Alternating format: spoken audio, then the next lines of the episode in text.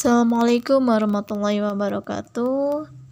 Baik, di sini saya akan melanjutkan presentasi dari kelompok ketiga, yang mana saya akan mempresentasikan slide kelima dan keenam. Ya, sebelumnya, nama saya Diana Andini Rahayu dengan NPM 130220011. Baik, kita lanjut saja ya ke slide kelima. Ingatan dalam perspektif Al-Quran. Mengapa mengingat itu penting di dalam agama? Karena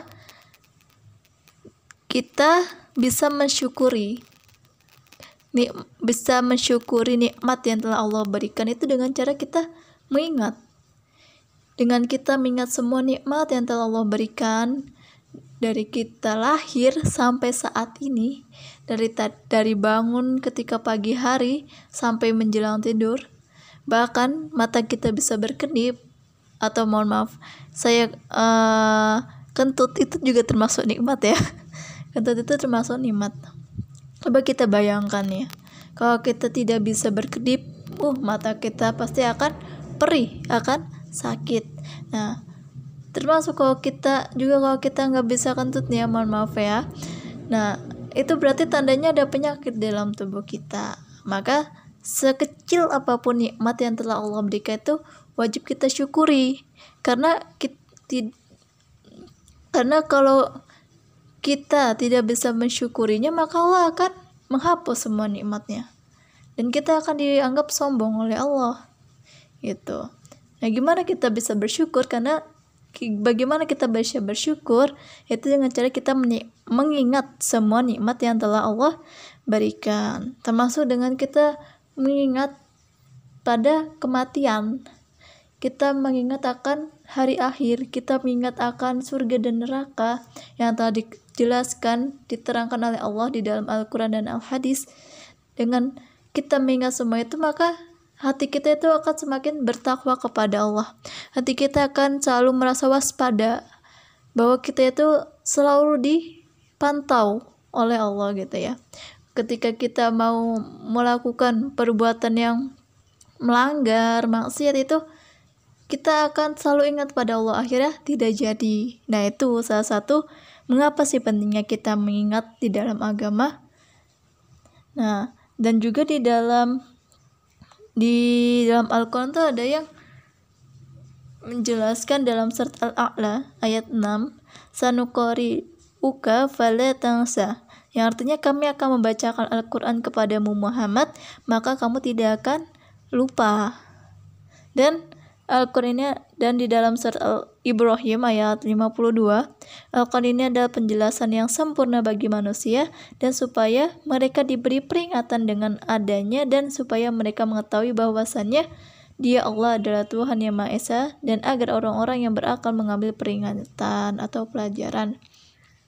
Nah, juga di dalam Al-Quran itu ada yang sebagai pengingat kita bahwa kullu nafsin daikotul maut bahwa setiap makhluk yang bernyawa itu akan merasakan kematian. Nah, itu sebagai peringatan buat kita juga agar kita selalu ingat kematian. Itu salah satu pentingnya. Mengapa kita harus selalu pentingnya ingatan? Pentingnya ingatan agar kita selalu ingat kepada Allah Subhanahu wa taala. Ingat bahwa kematian itu akan kita rasakan. Agar kita bisa introspeksi diri nih apakah amalan kita sudah cukup untuk bisa masuk ke dalam surganya Allah? Atau sudahkah dosa kita itu kita berusaha untuk menggugurkan dosa-dosa kita? Atau hari ini saya sudah melakukan dosa apa ya? Hari ini saya sudah melakukan pahala apa ya? Gitu. Supaya uh, agar diri kita selalu ingat kepada Allah. Dan kita lanjut ke slide ke-6. Ada beberapa faktor yang mempengaruhi ingatan dalam hubungannya dengan Al-Quran. Nah, ini salah satu faktor yang mempengaruhi di dalam memori atau ingatan yang berhubungan dengan Al-Quran. Yang pertama itu menurunkan tingkat stres. Nah, Membaca Al-Quran itu dapat menurunkan tingkat stres, karena Al-Quran itu memberikan ketenangan. Nah, stres itu dapat mempengaruhi kinerja memori, kinerja ingatan kita. Ketika kita stres, maka uh, pikiran kita tuh akan teracak-acak gitu. Dan kita akan mudah lupa. Berat uh, otak kepala itu akan terasa berat kalau kita stres. Nah, kalau kita baca Al-Qur'an, maka Al-Quran itu akan memberikan ketenangan pada diri kita sehingga rasa stres itu juga akan menurun akan menghilang. Nah yang kedua itu mempengaruhi fokus perhatian juga konsentrasi. Seseorang yang membaca Al-Quran itu membutuhkan proses yang lebih kompleks dibandingkan orang yang membaca buku biasa membaca buku bacaan biasa karena dalam kita membaca Al-Quran itu kita harus berkonsentrasi dan teliti fokus agar apa yang kita baca itu bisa tartil, bisa benar. Baik itu makhrajnya, baik itu panjang pendeknya, supaya benar karena ketika kita kita baca Al-Quran itu tidak itu salah makhrajnya atau panjang pendeknya itu bisa mempengaruhi arti dari Al-Quran itu sendiri. Makanya ketika kita membaca Al-Quran itu kita melatih fokus kita melatih konsentrasi kita. Itu yang ketiga itu meredakan emosi. Ketika seseorang itu marah atau emosi maka akan timbul rasa cemas, rasa tegang, rasa takut, gelisah. Nah, dengan keadaan seperti itu pasti dong kita memerlukan yang namanya ketenangan. Nah, salah satu kita bisa mendapat ketenangan itu dengan cara kita membaca Al-Quran atau bisa juga kita mendengarkan murotal Al-Quran. Nah, saya sendiri sudah membuktikan ya ketika kita stres atau banyak masalah dengan kita melampiaskannya ke Allah gitu ya kita curhat ke Allah kita baca Al-Quran dihayati itu benar-benar hati kita tuh akan merasa tenang gitu. Kita baca pelan-pelan kita hayati itu benar hati kita akan tenang. Yang tadinya emosi yang tadinya pengen marah-marah akhirnya nggak jadi. Malah akhirnya nangis. Tapi nangis itu sehat ya nangis itu sehat. Jangan salah. Oke lanjut. Yang keempat itu dapat sebagai media terapi kesehatan.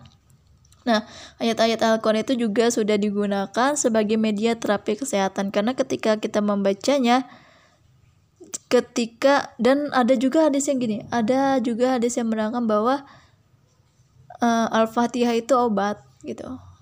Dan Al-Quran itu obat. Dan emang benar banyak media-media terapi yang dia menggunakan ayat suci Al-Quran. Karena emang Allah itu menurunkan Al-Quran itu sebagai obat terutama obat hati kita. Oke cukup sekian. Uh, saya mohon maaf banyak sekali kesalahan dan kekurangan dari kelompok kami. Uh, banyak kekurangannya. Kami mohon maaf yang sebesar-besarnya. Mohon masukan mohon masukan Ibu apabila ada yang perlu ditambah atau ada sesuatu yang perlu di dikoreksi. Alhamdulillah, uh, terima kasih. Wassalamualaikum warahmatullahi wabarakatuh.